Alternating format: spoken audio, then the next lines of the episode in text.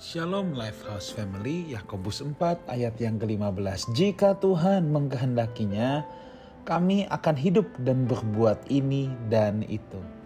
Saudaraku, hidup ini sangat singkat, saudara ya. Ada pepatah Jawa yang berkata, urip mung mampir ngombe. Artinya, hidup itu hanya mampir minum. Saudara, gambaran hidup manusia dalam Alkitab juga sama singkatnya, ya itu seperti sebuah mimpi, seperti bunga rumput, seperti angin dan bayangan. Itu ditulis ya dalam uh, beberapa bagian kitab Mazmur. Dalam perenungan kita pada kesempatan ini juga dikatakan hidup ini seperti uap, sebentar saja lalu lenyap. Itu ada di ayat yang ke-14 ya. Sebelum ayat yang tadi kita baca ayat 15 ya. Nah, Saudara, pertanyaan kita sekarang adalah bagaimana kita harus menata hidup dalam waktu yang sangat singkat ini, yang seperti uap ini.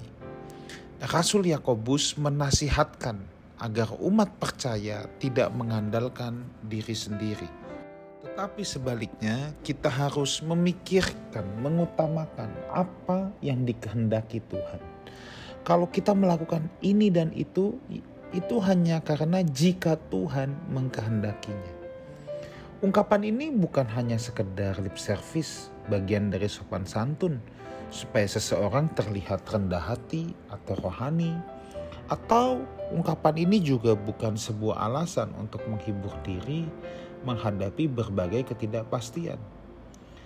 Ungkapan ini sejatinya adalah ekspresi ketertundukan kepada kedaulatan Tuhan ketika saudara dan saya dalam melakukan apa pun kita berdoa dan berkata Tuhan jika engkau mengkehendakinya.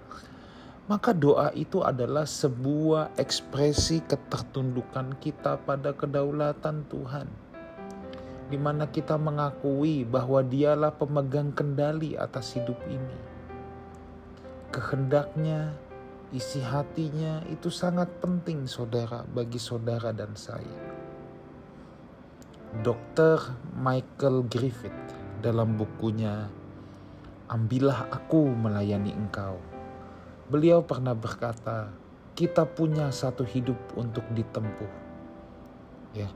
Nah, mungkin saat ini kita sudah melalui seperempat, sepertiga, setengah, mungkin lebih dari itu. Kan kita juga nggak tahu berapa panjangnya hidup kita ini apa yang sudah kita lalui itu sudah lampau, tidak akan kembali lagi.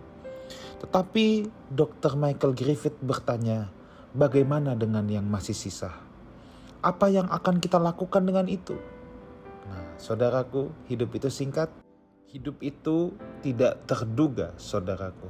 Mari kita membuat perencanaan dalam kehidupan pribadi, keluarga, pekerjaan, pelayanan, tetapi kita sungguh-sungguh menyerahkannya kepada kedaulatan Tuhan, menundukkan diri pada kehendaknya, dan kita harus senantiasa berkata, "Tuhan, sekalipun aku telah membuat perencanaan, tetapi aku berdoa supaya jika Tuhan mengkehendakinya saja, baru apa yang kurencanakan boleh terjadi. Biar Tuhan yang menjadi juru mudi, biar Tuhan yang menjadi pemimpin kehidupan ini." Ya Tuhan, meskipun hidupku seperti uap dan mudah berlalu, biarlah kehadiran kita membawa aroma harum di hadapan Tuhan dan sesama.